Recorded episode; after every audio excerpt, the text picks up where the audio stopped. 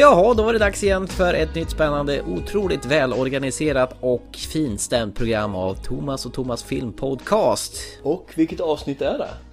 Ja, jag tror det är 46. Ja, jag tror på dig. Jajamän, jag har alltid rätt, det vet du. Jajamän, Thomas är rätt. Ja.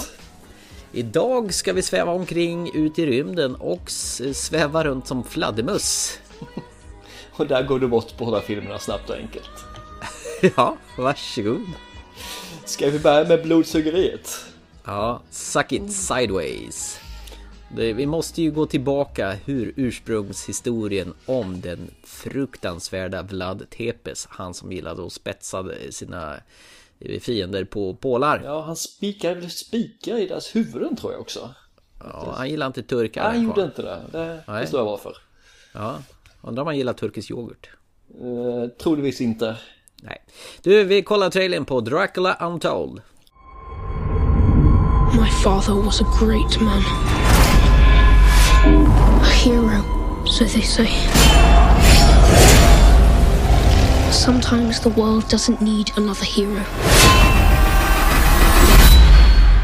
Sometimes what it needs is a monster. The Sultan is preparing for battle and requires 1,000 boys for his army, including your son.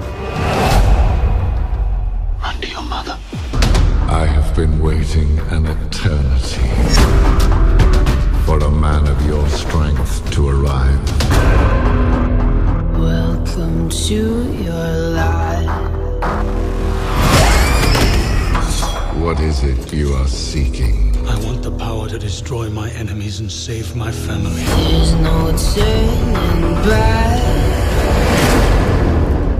Drink Dracula. Never forget who I am. Trailer, trailer, trailer. As his kingdom is being threatened by the Turks, young Prince Vlad Tepes must become a monster feared by his own kingdom in order to obtain the power needed to protect his own family and the family of his kingdom. Imponerad faktiskt. Att du kunde... Utan andas. Och det var Dracula Untold. Ja, det var det absolut. Och eh, som alla historier har ju alla historier en början, så även historien om Dracula.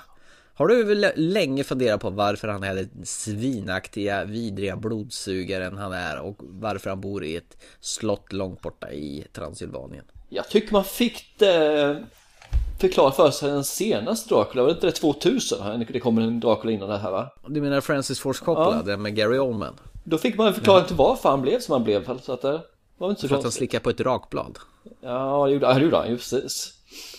Nej, jag har faktiskt aldrig känt ett behov av att veta varför Dracula blev Dracula mer än vad jag visste innan, om man säger så. Nej, men du får nog eh, vänja dig vid tanken för att Universal Pictures, de har ju tänkt och eh, väcka till liv av sina gamla klassiska monster.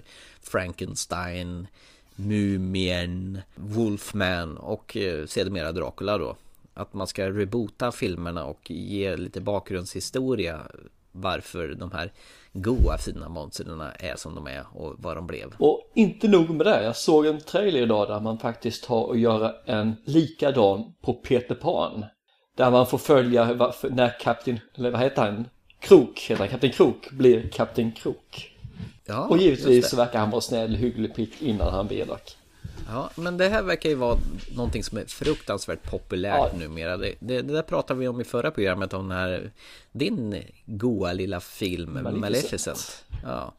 Eh, samma sak, S- snäll dam blir elak dam. Och varför då? Ja, hon, väl- Inga vingar så blir man elak. Det säger sig själv. Nej, exakt. Eh, vad handlar Dracula om 12 då, då? Förutom att han eh, sedermera är en vampyr som gillar att gå runt och suga blod på unga oskulder. Egentligen så handlar det väl egent- Är det inte en kärleksberättelse det här egentligen? En man som verkligen älskar sin familj och sitt folk egentligen över allt annat. Han Mm. gör det som krävs för att de ska ha det bra egentligen. Mm. Till och med eh, gör, ja, ingår en deal med djävulen mer eller mindre. det som får bägaren att rinna över det är väl att han ska ge bort sin son till en konkurrerande krigsklan. Ja, det är väl inte konkurrerande, det är väl mer deras härskare. Det är väl turkarna Ja. som... eh, Man kan inte säga att Turkiet är en krigsklan, det går liksom inte. Vad är de? De var ju en av stormakterna på den tiden. Okej, han ska ge bort sin son till en Ja, stormakt. det är ju en tribut som eh, ska läggas där ju. Och eh, Varsågod. ungefär, har du min son? tycker- Ja, och plus eh, tusen andra söner. Ja men det var inte så viktiga. Nej, hans son var viktigast.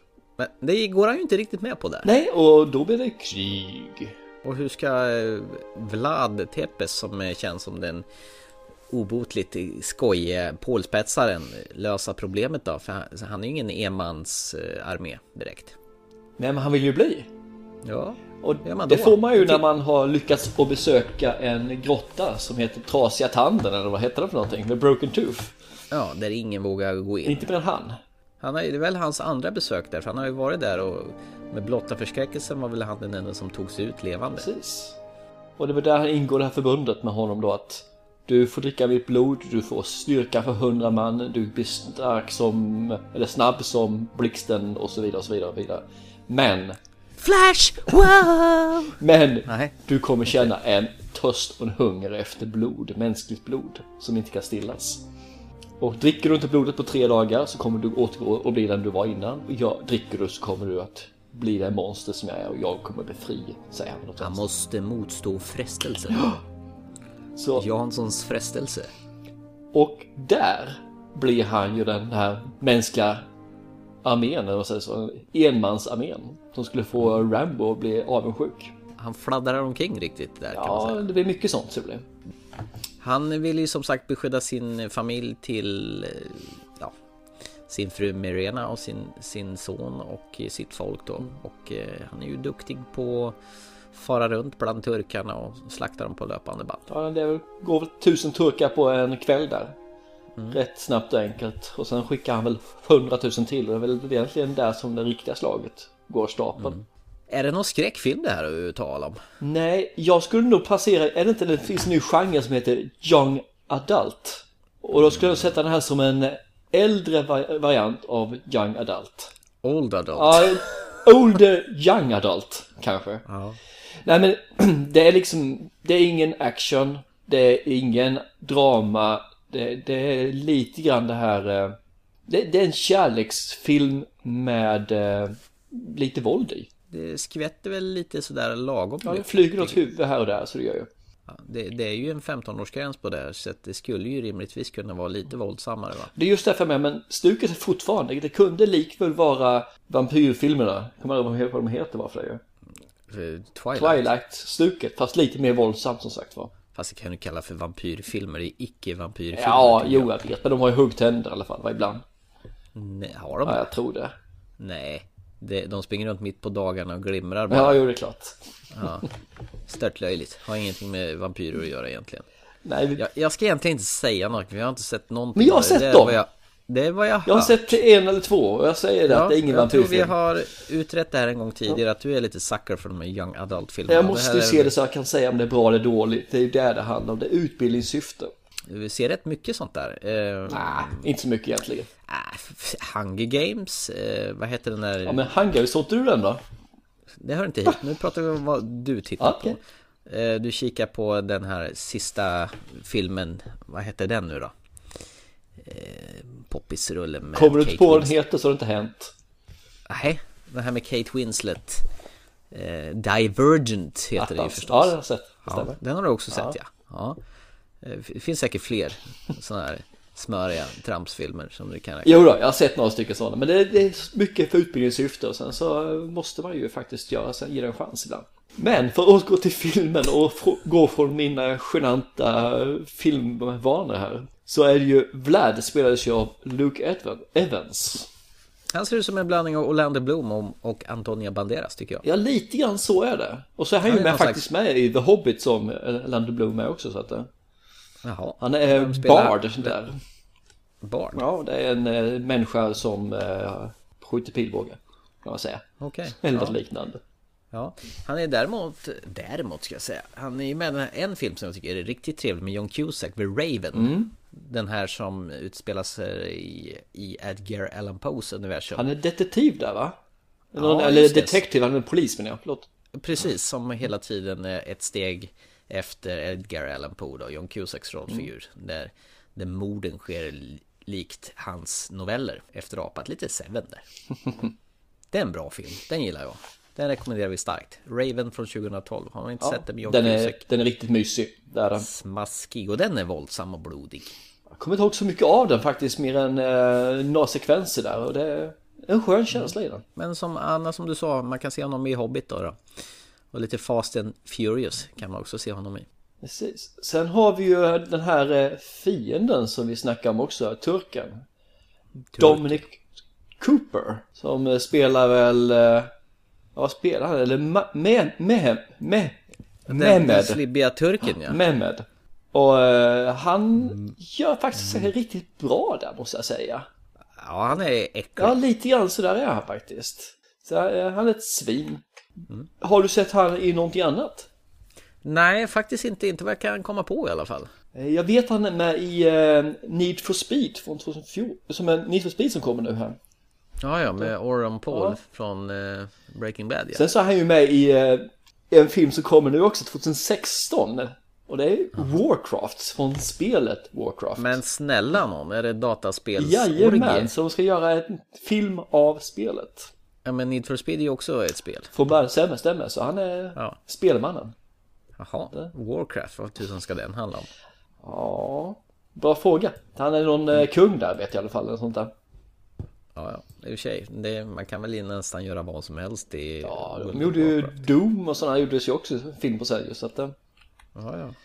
Sen vet jag att han har varit med i Abraham Lincoln Vampire Hunter. Han var en av vampyrerna där. Han gillar vampyrgenren Ja, alltså. det verkar som det. Fast han är ju inte vampyr i den här filmen. Då kommer han bara nära. Har du sett den där Abraham Lincoln historien? Jajamän, jag har gjort. Den är lite småkul. Sen har vi faktiskt en person som jag vill ta upp. Han är ju en, en riktig birollsinnehavare i det här fallet. Han syns, ja man kan ju säga att han syns två gånger i filmen. Och det är Charles Dance. Det är han som spelar Det är vampyren han som är eller? Master Vampire. Han är väldigt äcklig. Ja, han är groteskt äcklig så han är. Ja, Och alla känner igen honom. Om man inte känner namnet Charles Dance så känner man kanske igen Tywin Lannister från Game of Thrones. eh, jaha, är det han det? Ja! Jag kan ärligt, ärligt talat, jag känner inte igen honom som honom i den filmen. Oj! Han sp- Nej, Ja, det var ju intressant. jaha, ärkearslet. Ja, däremot så vet jag att eh, den första filmen jag såg med jag är osäker då vilken som var den första jag såg med, men det är antingen så är det Golden Child med The Murphy eller så är det den här eh, Ur dödlig synvinkel Jaha, där han är ju något sadistiskt svin av något slag. ja, ja, ja. Gammal James Bond. Absolut. Härligt. 81, så det borde nästan vara den jag såg först men jag är osäker på om det var den. Men... Så han har gjort en del. Sen är han faktiskt med i Alien 3, vilket du borde känna igen. Ja, fast det var länge sedan jag såg den filmen. Eh, David Finchers eh, e- elaka film som han överhuvudtaget inte gillade. Mm. Han var så osams med filmbolaget. Men det är en annan podcast förresten. Ja, det blir det. Ja. Så det jag vill säga med det här är att han spelar ganska många filmer han gjort under sin karriär här. Och i flertalet av dem har ju faktiskt varit, han varit ett svin och en the bad guy. Det är samma sak som den sista actionhjälten med Arnold Schwarzenegger så är han ju the bad guy där också med en sån här Han har väl någon eh, happy face som ett öga, ena ögat är som en sån här happy smiley.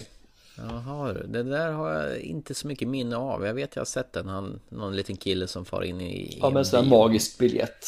Ja, typ Willy Wonka-stuket. Det, och han, är han Benedict heter han där tror jag. Cumberbatch. Så att eh, han, tycker jag om. Sen tycker jag att han, gör, han har ju en väldigt, väldigt liten roll i den här filmen, får man ju säga. Två gånger syns han och totalt kan man säga att det är 30 sekunder eller nej det är nog två minuter kanske.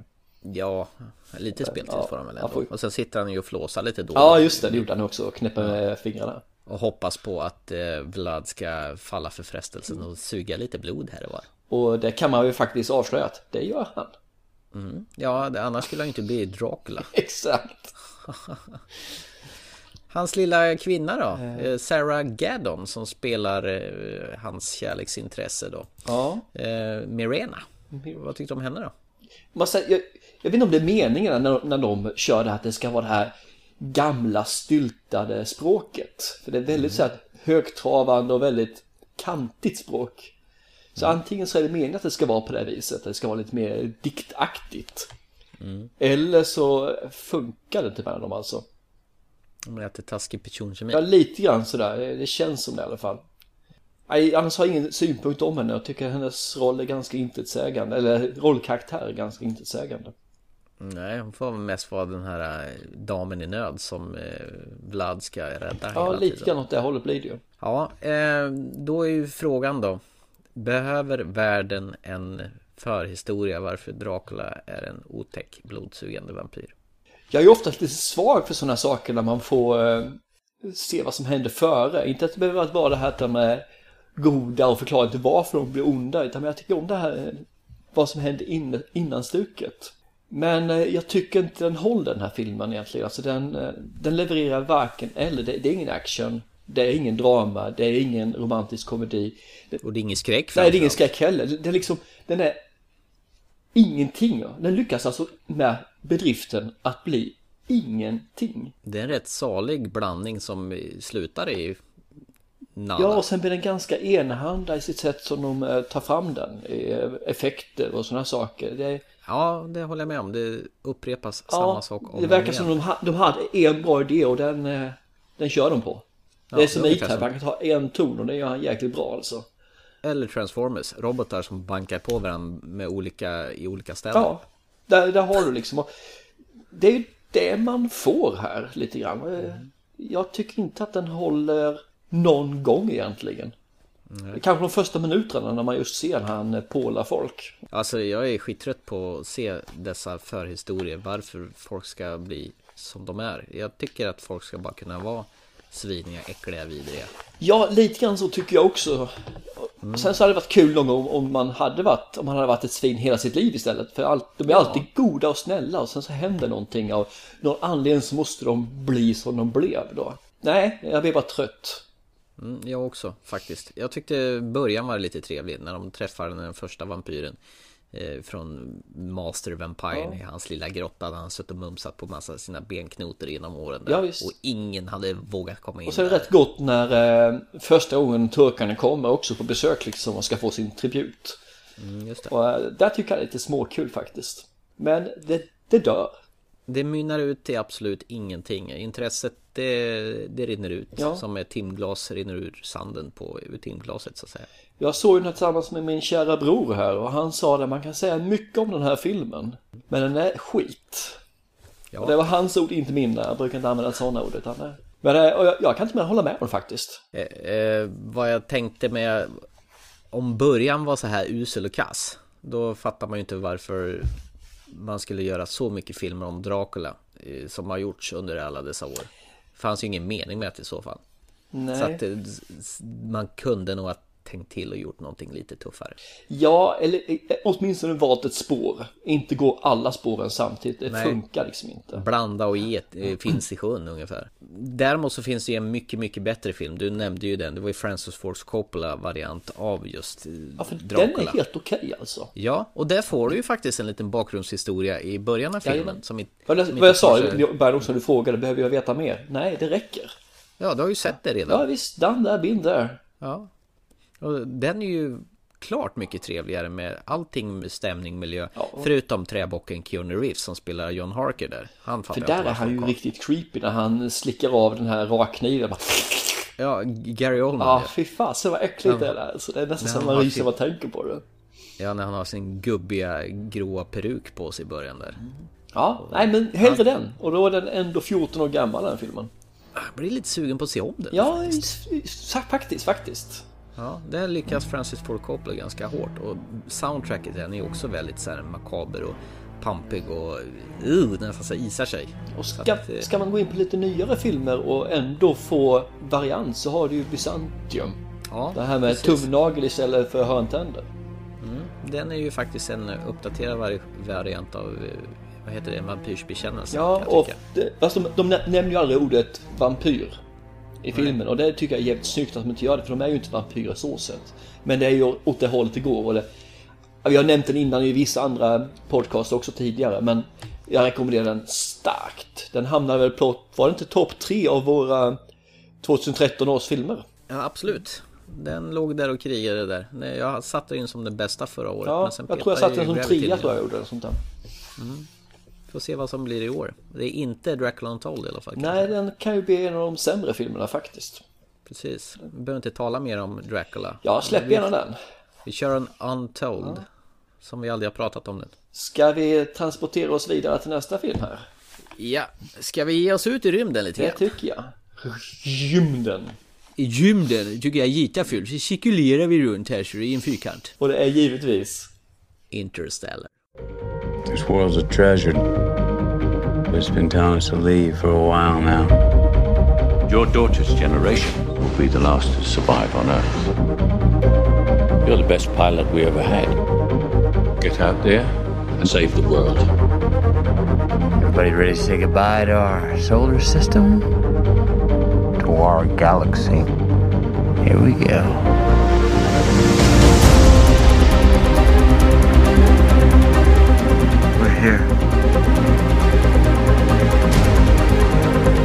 Down fast, don't we?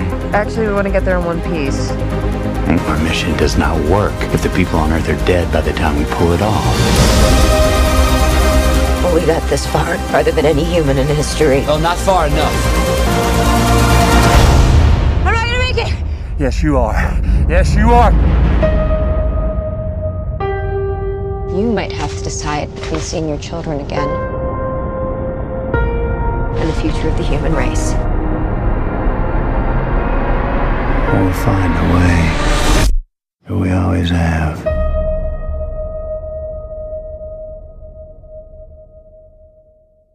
Ja, det är inte Star Trek vi ska prata om. Däremot så kan det ju påminna sig lite av essensen av Star Trek i vissa aspekter. Jag fick ett känsla av år 2001, ett rymdäventyr.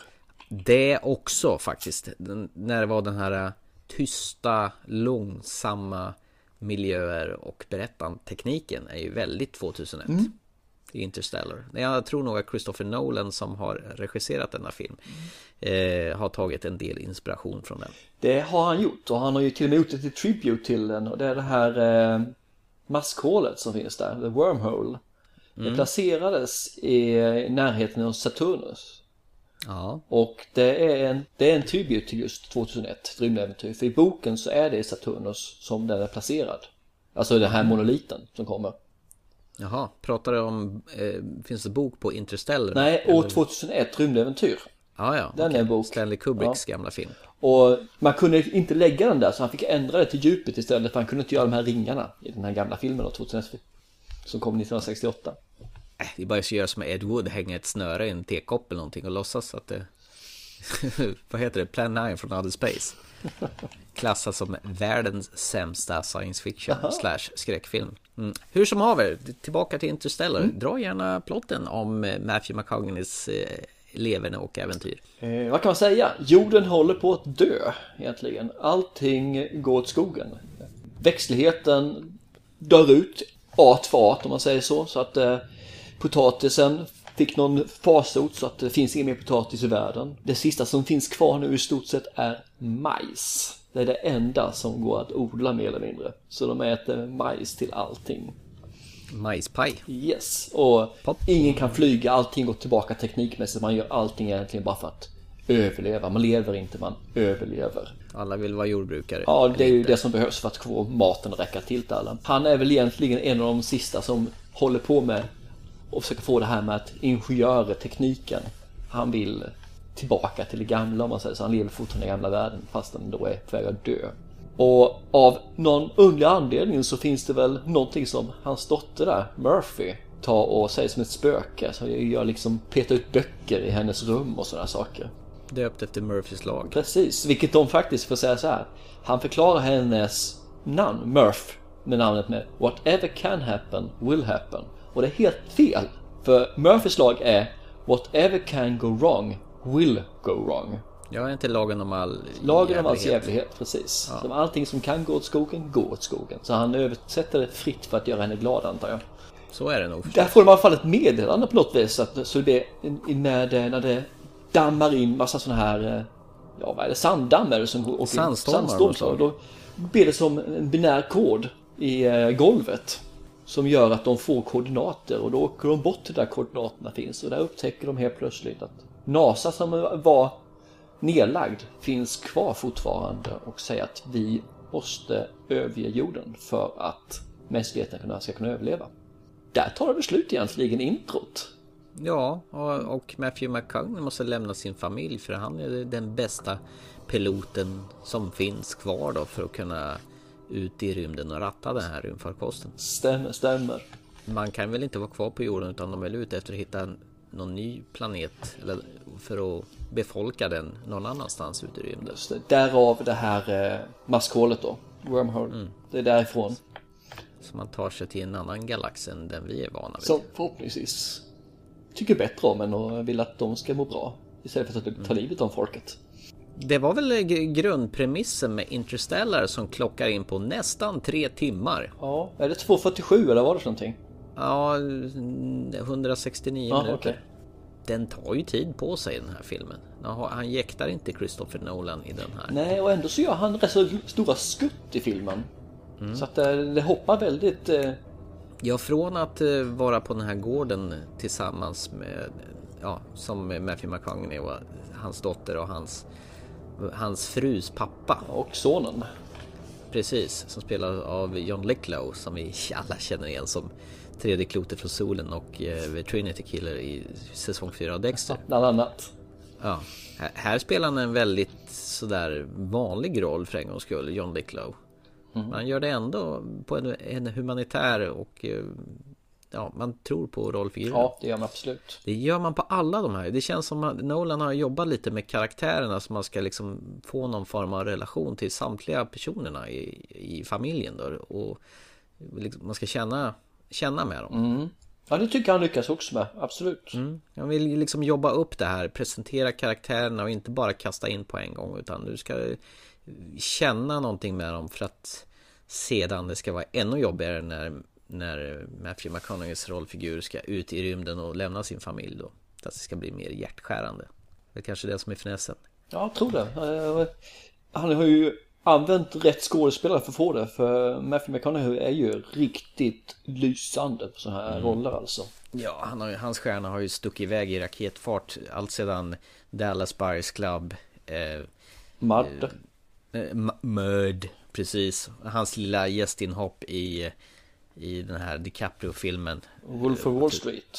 Exakt, och framförallt tv-serien som gjorde honom till superstjärna. True Detectives. Tack, True Detective ja. Jag som jag inte ens har sett och jag kan den bättre namn på den än vad du kan.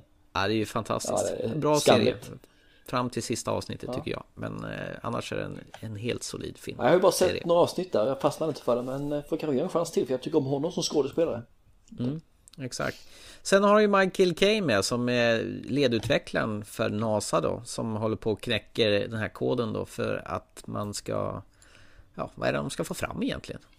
Det är egentligen den här koden, man säger så, eller koden, den här ekvationen är väl för att knäcka att styra gravitationen. För det är det de har fått liksom. Det här, det som eh, Cooper då, McConaughey's rollfigur hittar i sitt hus där. Det är liksom något som händer överallt, verkar det som. Man får lite tips och tricks lite överallt här att det här händer. Så att de får, det är någon som försöker rädda mänskligheten. Då har de fått det att eftersom de kan styra gravitationen där så anser de ah, då kan vi också göra detta. Och det är det de försöker göra för att kunna sen rädda så många som möjligt från jorden. Det, går liksom inte att rädda så många om man inte kan få väck dem från jorden. Och det är ju rätt så jobbigt. Så kan man styra gravitationen så kan man få bort fler. Kan man inte göra det, misslyckas med det så har man ju backup-planen, det vill säga 5000 eh, befruktade ägg. Som man släpar med sig ut i rymden. Exakt. Någonting som jag tycker faktiskt är lite gott i den här filmen, mm. det är att när de gick in det här, i början så har vi, eh, fanns det en Dr. Kip Thorne som är med i och tillverkar den här filmen.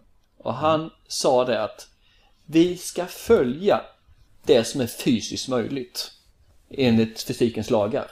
Vi ska inte tulla på det någonstans. Och det är faktiskt någonting de har gjort också. De har följt fysikens lagar. Så mycket de kan alltså för att ändå kunna göra en film av den här. Eh, det var en gång som de fick ta en dialog som Kipto fick tala med Christopher Nolan när han ville färdas snabbare än ljuset, vilket då man inte kan göra enligt de eh, fysikens lagar som finns idag. Mm. Och det tog två veckor visst var han att få han att förstå att vi kan inte göra på det här viset. Men jag vill! Ja, Nej, det går typ. inte. Jag vill! Det går inte. Jag har gjort Inception! Ja, jag kan! Ja, jag har gjort Inception, jag har gjort Batman-filmer, jag skiter i vad du säger. En tjurig gubbe där, Christopher Nolan. Sen så måste jag ställa en fråga till dig. Vet du vad Interstellar innebär, vad det betyder? Intergalaktiskt någonting kanske. Ja. Jag, jag kan ju tänka mig att det syftar på att de far mellan olika galaxer, kommer från en annan dimension. Nej, det är egentligen att man är, man är mellan, mellan stjärnorna. Alltså mellan galaxerna. Galaxer i mina braxer. Ja. Så när man är mellan, då gör man interstellar travel, alltså att man åker mellan galaxer. Och interstellar är när man är mellan galaxerna. Ja, och det är väl precis vad de gör. Ja, när de åker i det här maskhålet så är de egentligen emellan där ju. Så jag antar att det är det de syftar på lite grann. Ja, eh, Anne Hathaway då, som är, är spelade kvinnan Brando som är dotter till Michael Caines figur. Ja. Eh, vad tycker du om henne då? Gillar ju henne från eh, Drugs and Love Drugs and Other Drugs, eller vad heter den? Sex, Drugs and... All, eh, ja, Sex, Drugs and Other Drugs, vad heter den? Den är eh, Love, Sex and Other Drugs. Tack, där kom ja. det. Här är hon väldigt korthårig och... Ja, hon färgat håret också svart. Ja, jag tycker hon är skitbra faktiskt. Hon gör otroligt bra. Hon är, hon är nästan uppe i eh, Matthew McConaughey's rollprestation alltså. Eh, jag älskar henne. Och det är ju inte... Ja, ja nej, absolut. Nej, och vad vore inte en sån här sci-fi film utan att man ska stoppa ner sig i sån här kryokammare där man ska sova bort åren. och den här gången så är det faktiskt bara en sopsäck ser ut som en sån här plastsäck. Ja, med, fyllt med lite vatten. Men det är väldigt klaustrofobiskt när de stänger igen den och åker ner i golvet. Men det är faktiskt den billigaste varianten jag sett på bra länge. Ja, de såg väldigt skabbiga ut. Känns ungefär som att de här kan gå sönder vilken sekund ja, som helst. Våga lägga sig där och bara hoppas på att man vaknar igen. Har du sett något mer med Anne Hathaway? Uh, ja, hon var ju med i sista Batman-filmerna. Dark Knight Rises. Hon, ju, hon spelar ju Catwoman där, gjorde hon ju. Ja. Eller Catwoman. Selina heter hon där. Precis, de nämner ju aldrig henne som Catwoman men hon är ju gummistudsbollen. Mm. Som rör sig som en sådan. Och sen har hon väl med Devil Wear Prada också, den här Meryl Streep-filmen ja. bland annat. Absolut. Eh, för övrigt, ja, Les Mirables är ju också med i den här Fantin. musikalfilmen då, helt enkelt. Så att hon har haft att göra. Alice i Underlandet är hon också med i. Ja, hon har gjort en hel del. Ja, det, det gasar på faktiskt. Även den här homogay-filmen Brokeback Mountain är också med. Det visste inte jag. Nu kan det visserligen bero på att jag inte har sett den så att... Uh... En prinsessas dagbok om vi ska gå tillbaka till gamla Disney-filmer. Eh, det man får säga om hennes karaktär är att hon, hon är ju... Det är ju tre åldrar man får träffa henne. Man träffar henne som liten flicka, man får träffa henne som eh, vuxen och som gammal. Och eh, de har faktiskt lyckats väldigt bra med att casta de här olika åldrarna. I alla fall de här som vuxen och som ung. För man skulle nästan kunna tro att det är samma person. För de har näsa och lite karaktären i ansiktet är jättebra alltså. Ja, de har verkligen hittat folk som påminner väldigt om varandra. Fast det hoppar i åldern så man skulle man köper väldigt att det här är nog samma person. Ja, och det, det, det är kul när de har, om de nu har tänkt till det, de har tillfället, men om de har gjort det så är det kul när de har gjort det på det viset. Och kände du igen, det bör du inte gjort, nu har jag läst på det, är därför jag kan det här. Ja. Men den gamla, vad heter det, vad heter hon nu? Brand, Anne Hathaway, Brand heter hon ju. Förlåt, ja. den gamla Brand, kände du igen henne? Hon har ju varit med i, hon har varit med i flera filmer ska man säga så, men hon har ju faktiskt en film som är riktigt, riktigt känd. Aha. Som släpptes 1973, för övrigt ett jättebra år. Jaha, nej nu, I'm lost. Hon är med i The Exorcist. Jaha, se där. Vet inte vilken karaktär hon är där, jag vet bara att hon har varit där för jag var tvungen att se vem var den här gamla snälla tanten. Men Murph då? Jag, jag blev inte klok på det. Hon, Murph, alltså när hon är i vuxen ålder. Mm. Jag känner så vansinnigt igen henne. Men jag kan inte komma ihåg var jag sett henne. Hon har ju väldigt sån där typiskt skådespelaransikte som dyker upp som biroller lite här och var. Var du, var du förresten beredd på att Matt Damon skulle vara med i den här Nej, filmen? jag visste inte om det! Nej, så det var ju rätt så snopet att se honom där. Ja, det var lite småkul faktiskt, det var det. Ja. Nej, me like. Han gör det faktiskt riktigt bra också. Så att, Jaha. det är bara att, yay, tummen upp. Jag börjar tycka bra om honom. Tillbaka och gör lite mer Jason Bourne också. Ja, han vill göra det va? Ja, ja, det ryktas om att han vill gå tillbaka till sin kioskvältarkarriär och göra Jason Bourne igen. Ja, okay, okay. Det är han su sugen på. Eh, nu är, blir det ju ett problem då för Universal för de har ju gått vidare med serien med en annan skådespelare i och med att Matt Damon hoppade av. Ja. Det är killen som gjorde i Born eh, Legacy. Eh, han som är Hans i Hans och Greta. Ja. Vad han heter just nu. Men han tog över och gjorde någon parallellhistoria samtidigt som Jason Bourne. Som var sådär får man väl säga. Ja, precis. Men nu är ju tydligen Matt Damon sugen på att komma tillbaka och göra Jason Bourne igen. Så vi får väl se. Och Universal är ju supersugna för det är en av deras största kassakor. Som har dragit in mest pengar. Ja. Så, så de tar nog gärna in Matt Damon igen ifall... Fan, nu glömde jag säga Matt Damon! Eh, Om han vill. Så vi får väl se. Ja, ja det ska bli kul. Ja. jag, jag tror att han kan bli någonting han också. Så att, eh, Ja. inte- Men ger man sig ut i rymden så här som de gör i Interstellar Då måste man ju ha med sig några robotar också Ingen rymdfilm, aliens eller vad det nu är så har ju Det är ingen som inte har med sig en robot Ja, och de här är lite annorlunda. Det är Tars och Case Yes. och, och de ser ju ut som Enderman i, i Minecraft Ja, men tänkte du inte på det? När hon stod still där Mm. så ber de ju som en monolit. Ja, jo Så att undrar om inte det också är en liten tribute till två, år 2001. Nej, jag bara tänker de leksakerna Ja. som mina söner leker med De ser ut som Minecraft-gubbar Ja, ja jag, jag köper det. Fyrkantiga och så här. Lite kul där faktiskt för att man kan ju tro att de där är dataanimerade. Framförallt det här gäller Tars. Och det är han ju faktiskt inte. I alla fall inte alla. Eh, när han går och så, så här då är det Då är han alltså en eh, fjärrstyrd robot. Jaha, Som okej. styrs av en person som går och säger hans kommentarer och sen har de klippt bort han som styr honom. Ja, ja.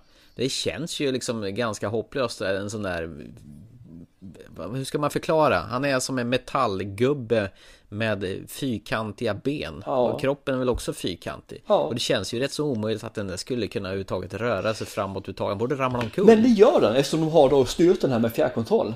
Ja, ja. Så att, eh, och jag trodde inte heller för jag tänkte också, "Åh, ja den där skulle jag aldrig kunna ta fram i verkligheten. Nej. Och sen så är det då att det har faktiskt gjort det. Så det, det är skitkul. Tummen upp, tummen upp. Me like. Ja, tum, tummen upp för Tars Yes, Tars is Och- och- uh, the man. Och det, för en gångs skull så låter de inte som någon robotar, de låter som en tuff marinsoldat Ja, lite grann sådär. Ja. Med en humornivå på 75%. Ja, exakt. Något som de också har lyckats väldigt bra med filmen, det är specialeffekterna. Den är- ju fruktansvärt snygg att se på den här filmen. Tycker jag. Ja, bitvis. Eh, Jag tycker att eh, ringarna på Saturnus var lite sådär väl smooth. Det kändes lite för... Ja, det kan jag kanske hålla med. Jag satt och funderade på det, om det ska verkligen se ut sådär smooth eller ja, har de gjort det med flit? För det, är väl sådär jag föreställer mig Saturnus på alla bilder. Och Ja, fast det de känns som att det är lite för tillrättalagt. Men det kanske Ja. är så. Jag kanske har fel, men för mig Ja. känns det lite konstigt. Men liksom allt så här vatten, det var ju väldigt mycket vatten i den här filmen i vissa sekvenser. Mm. Och det kändes ju som det inte var äkta utan det var datanimerat men det ser jävligt snyggt ut. Och likadant när de flyger med alla rymdskeppen och det exploderar och allting är ju så finputsat nu. Och jag funderar på det, jag kikade också på den här nya Apornas planet-filmen Dawn of Planet of Apes häromdagen. Det är ju fruktansvärt snyggt i filmerna idag med dataanimeringar och det här med att man kör skådespelare med elektroder och så gör man dataanimerade gubbar. Men, men man höjer inte på ögonbrynen längre. Man, man tar för givet att det ska se ut så här tror jag. Frågan är liksom, om man går tillbaka 60 år i tiden. Mm. 50-talet där någonstans. Tyckte man att det var... det- är ju så fruktansvärt snyggt idag. Tänkte man så då också?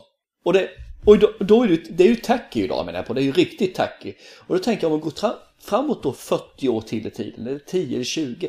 Kommer det som är idag som är så snyggt vara tacky då? Jag blir inte så här bara, wow vad är det här snyggt längre utan man bara ja, ja men det ska se ut så här och det är ju skitsnyggt. Fast- vad, vad, dukt, vad duktig de har blivit. Fast det är snyggt, det är ju ruggigt snyggt. Ja, det går ju liksom inte att skilja på vad som är fake eller vad som är animerat Nej, numera. det är inte som det var när man gjorde James Bond-filmerna med dataanimerat. Ja just det, vad heter den? Diane of a Day. Ja, heter den säkert. När han är på Island och surfar på någon våg. Yes. Och den, Och ha osynliga bilar och vad det är för någonting. ja just det, och en pixlig James Bond. Så man, man ser ju lång väg att det är en dataspelsgubbe. Det var nog det vidrigaste, sämsta animation jag har sett någonsin i en film. Mm. Tror jag. Ja. Men eh, Interstellar, den är ju väldigt filosofisk också. Eh, De eh, har ju långa mo- monologer om tankar och dju- djupa gångar och sinnen och alltihopa. Så det är ju en del av filmen känner jag. Som samtidigt ackompanjeras med ett väldigt skumt soundtrack som nästan låter lite såhär kyrkobegravningsstämning. Det var faktiskt en av de sakerna jag reagerade negativt i filmerna var att det var för mycket. Okej, du menar att de pampar på så hårt? Så Ja, det, det går överstyr. Så det, gör alltså, det, det blir nästan att man, man hör liksom inte filmen, man hör bara musiken. Ja, fast det är ju inte helt och hållet. I vissa scener så var det ju helt tvärtyst istället. Mm, men det blir för mycket när filmen spelas för jag blir nästan lite, jag blir faktiskt störd av det vissa sekvenser. Stressad av det? Nej, jag blir störd bara, inte stressad, bara störd. Så att, eh, hade jag blivit stressad så hade det i alla fall uppnått någonting hos mig. Men i det här fallet var det bara liksom att det, det var nästan så jag kände, eh, vrid ner volymen lite grann. Ja. Jag kände liksom också att det här var kanske någon sån här vinkning mot 2001. Eh, Där kör de ju klassisk mm. musik. Eh, de här du du du du du du du, du bland annat. Och, de här, vet. och den här eh, klassiska som Elvis använder via satellit, vad tusan heter. Du, du, du, du, du. Bom, bom, bom, bom, bom, bom, bom, bom. Ja. Inte fan vet jag. Jag ska leta på det så, så jag får illustrera vad jag menar. Ja, det tycker jag absolut du ska göra. Ja, det kändes ungefär som att vi försöker göra någon variant av det här fast lite poppigare och lite mera ödesmättat och mer så här. Ja, det skulle vara nästan lite begravningsstämning på det hela. Han, han sa ju att när han gjorde att det skulle bli något extraordinärt också och de, folk har väl reagerat väldigt, väldigt eh, starkt på den här musiken. Det var ju framförallt när han ska docka ihop med den här rymdstationen första gången visste så var det Mm. visst många som erkände att de grät när de hörde detta. Gjorde de? Och jag förstod faktiskt inte varför jag läste det här utan för jag kände, ja det, det var lite spänning och de fick igång det där faktiskt, just i den sekvensen. Mm. Men det var ju inte så. Han har ju återigen använt sin kompis Hans Zimmer som har tonsatt Ja. Tror jag de flesta av Christopher Nolans filmer, bland annat Inception och Batman-trilogin och Yes. så vidare. Han, till, han är väl den som anses vara en av de största inom filmmusiken numera. Eh, som, han har väl egentligen sprungit från Steven Spielbergs parhäst. Eh, han eh, Wi- Williams eh, som gör alla soundtrack till Jaws och Indiana Jones och Star Wars och så vidare.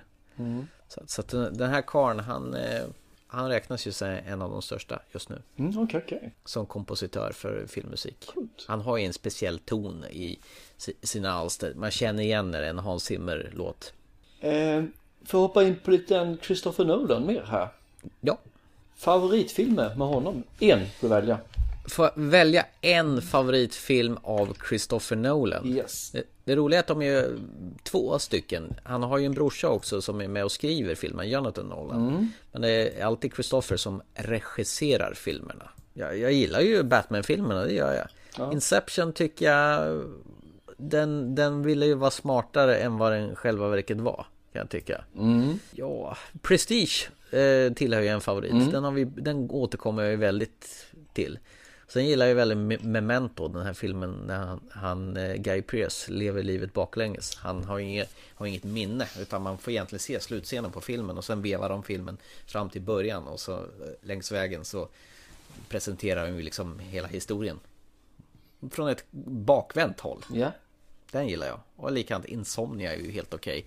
Den här som är egentligen en remake av en eh, annan film. Nej, nu rabblar jag på. Men eh, Insomnia är bra också med Robin Williams. Vad händer med att välja en film? Nu har jag sagt i stort sett alla jag, filmer han gjort Han har här. gjort en hel del som är bra. Det är svårt. Prestige då om jag får välja en. Prestige. Du då? Du får välja en film och sen rabbla upp alla han har gjort i stort sett. Nej, det gjorde jag inte. Utan det var de som jag gillar. Ja, det var i stort sett allihop. Okej, ja, antingen väljer jag Prestige eller Insomnia. Du då? Eh, Prestige? Nej, Insomnia. Nej, fan jag kan inte välja. Prestige. Tror jag. Ja, men... Eller Insomnia. Nej. Ja. Nej. Eller Memento. Eller Ja, Batman är faktiskt ganska bra. Nej, jag, jag, tycker att han gör väldigt bra filmer. Det är inte mer med det. De är trevliga. Han, han får liksom en känsla i filmen. Sen så får man Ja, säga att han losar ju väldigt mycket i när han försöker göra det mer komplext och göra det djupare än vad han egentligen klarar av. Ja, det är Eh, här- Inception är ju ett lysande exempel på det till exempel. Han försöker göra det mer än vad den, han klarar av där. Jag kan inte säga något för du har redan sagt alla så det spelar ingen roll. Ja, Men du måste väl ha en åsikt vad du själv tycker? Jag ska aldrig mer fråga dig någonting överhuvudtaget för du står i alla fall på allt runt omkring också. Nej, det gör jag väl inte. jo då. Nej, Nej. Men jag kan hålla med, Prestige är en jättefin film, den är eh, ruggigt bra och framförallt så är man ju överraskad många gånger i filmen. Den tycker jag om, där lyckas han till sin fulla rätt. Och likadant som du säger, Memento är ju fruktansvärt bra. Eh, Jag tycker de är by far de bästa han gjort, inräknat Interstellar. Alltså jag fick det intrycket att när vi gick ut från bion igår, vi såg den här igår, så den har ju sjunkit lite grann. En, en, jag tyckte det kändes som att du tyckte den var rätt dålig. Den, den är medioker Interst- Interstellar tycker jag. Den är, han når inte riktigt fram, det blir över tre timmar på en film, det funkar liksom inte. Nej. Eller över tre timmar, närheten av tre timmar. Så var ju du 2.42. sur att du lyckas klura ut knorren på filmen också. Ja, det gjorde man ju ganska snabbt tyvärr. I stort sett efter 15-20 minuter så hade jag listat ut den. Och det är inte bra när det är en sån här film, det är liksom inte lysande. Nej, så att nej, jag, jag tyckte, den ligger idag tror jag på runt 9 på IMDB va? Och jag lägger ju inte den där, alltså det gör jag inte. Och det är en sån där film som diskuser, diskuteras sönder och samman i alla forum. Ja. Folk ska ju analysera Nolans filmer, likadant Inception när den kom. I slutet skulle ju analyseras sönder och samman. Var de i, i, vakna i verkligheten eller var det bara en fantasivärld och hej och hå. Så har det blivit diskussioner med även med Interstellar. Det är liksom, det blir en hype, Mm. något djävulskt. De eh, diskuterar den så att den blir mer än vad den egentligen är. Och det är det som är lite grann tragiskt tycker jag. För det är en, det är en okej film. Den, den är inte dålig. Nej, Men, den är, men det räcker att den, se en gång. Den är inte bra heller. Precis, det räcker att se en gång. Och du behöver absolut inte se den på bio.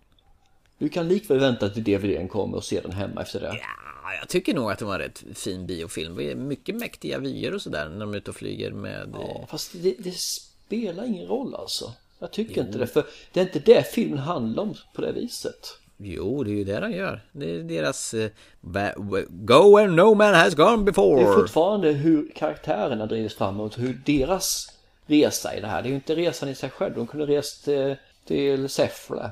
Mer eller mindre, utan det handlar om att resan till något nytt. Målet är ju liksom inte någonting alls. Du menar att det här är Star Trek? Det är ju precis vad de gör i Star Trek. Reser till något nytt. Ja, nära på, fast här finns det då ett mål att du ska ut tillbaka igen ju för att rädda världen nu. Eller rädda folket i alla fall i världen. Ja. Nej, jag vet inte. Jag, jag har varit faktiskt lite besviken när jag gick ut från biografen. Jag är mindre besviken idag än vad jag var var då. igår. Ja. Det låter så. Det känns som den har landat lite Ja, grann. jag tror att man hade, jag hade nog stora förväntningar på den och det, då blir det att den, den levererar ju inte ända upp. Men den har landat lite grann. Men det är som sagt var, det, den kommer inte att platsa bland eh, de tio bästa filmerna i år. Nej, det håller jag med om faktiskt. Och det tycker jag är lite tragiskt för det, är, det här trodde jag skulle bli en av storfilmerna. Det trodde faktiskt jag också. Men det är väl så. Den är när den blir så tokhypad som den blev så blir ju förväntningarna därefter skyhöga. det stämmer. Jag försökte verkligen och inte se någon som helst trailer. Försökte veta så lite som möjligt om den här filmen. Så att eh, det skulle liksom bli ett blankt papper inför titeln igår då. Mm.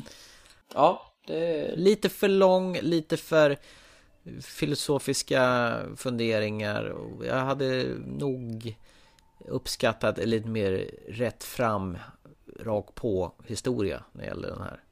Ja, sen tycker Hem- jag nog att det skulle varit eh, kanske lite mer intro egentligen. För man får kanske lite mer tid på jorden. Och få den, lev- den eh, referensen därför att under den perioden som film, man var på jorden och man hade relationen mellan far, dotter, son och eh, morförälder där. Så eh, svärfar heter det kanske.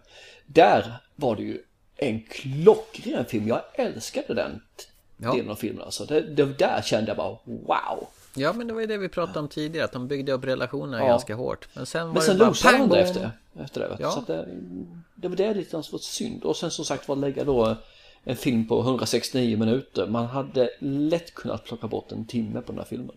Grejen var kanske att den eh, kanske hade blivit fyra timmar om man hade lagt kvar grejer som klipptes bort kanske. Ja, kanske. Man kanske hade jobbigt i klipprummet inför Det den här. fanns en hel del i slutet man kunde plocka bort där. Där slutet Mm.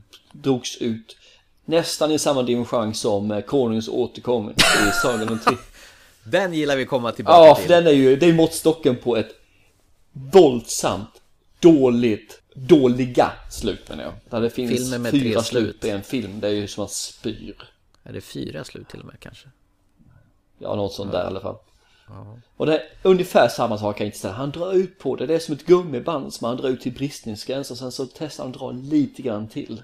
Rekommenderar den inte till eh, bio alltså. Det gör jag inte.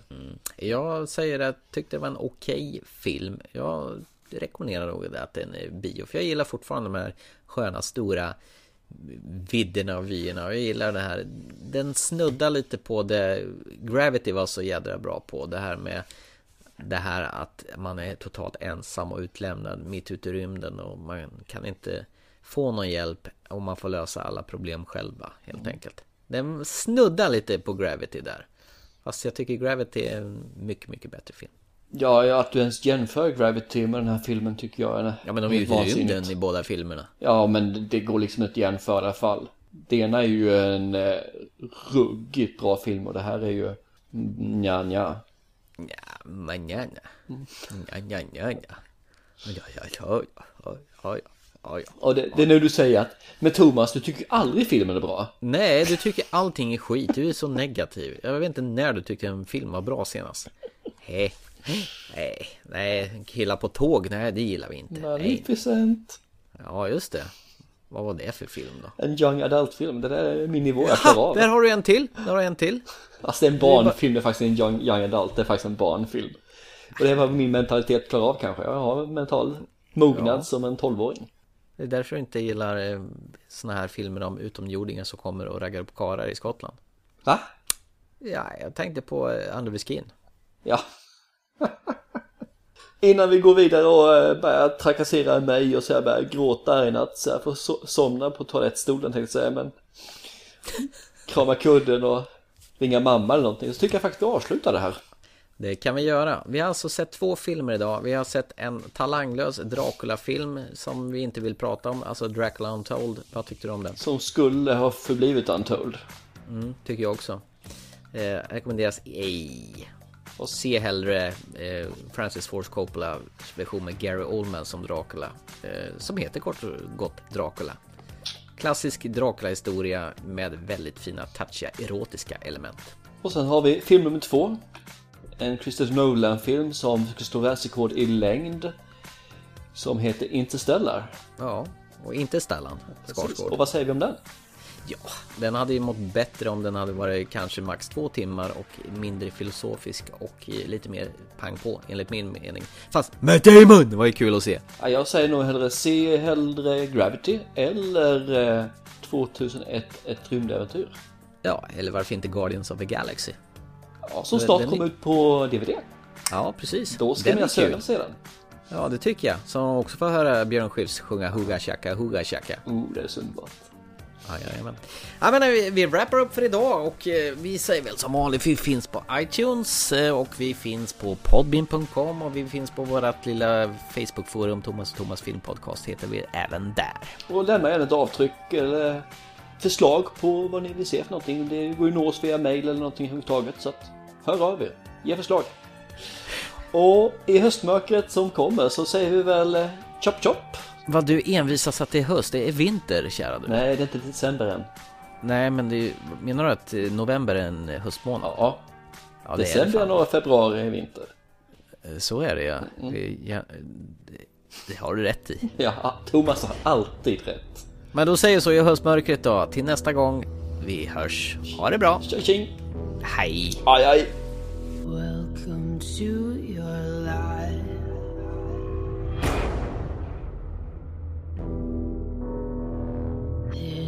Turning back.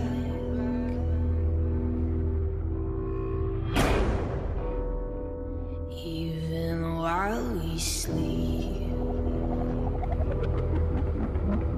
you will find you acting on your best behavior. Turn your back on Mother Nature. Everybody wants to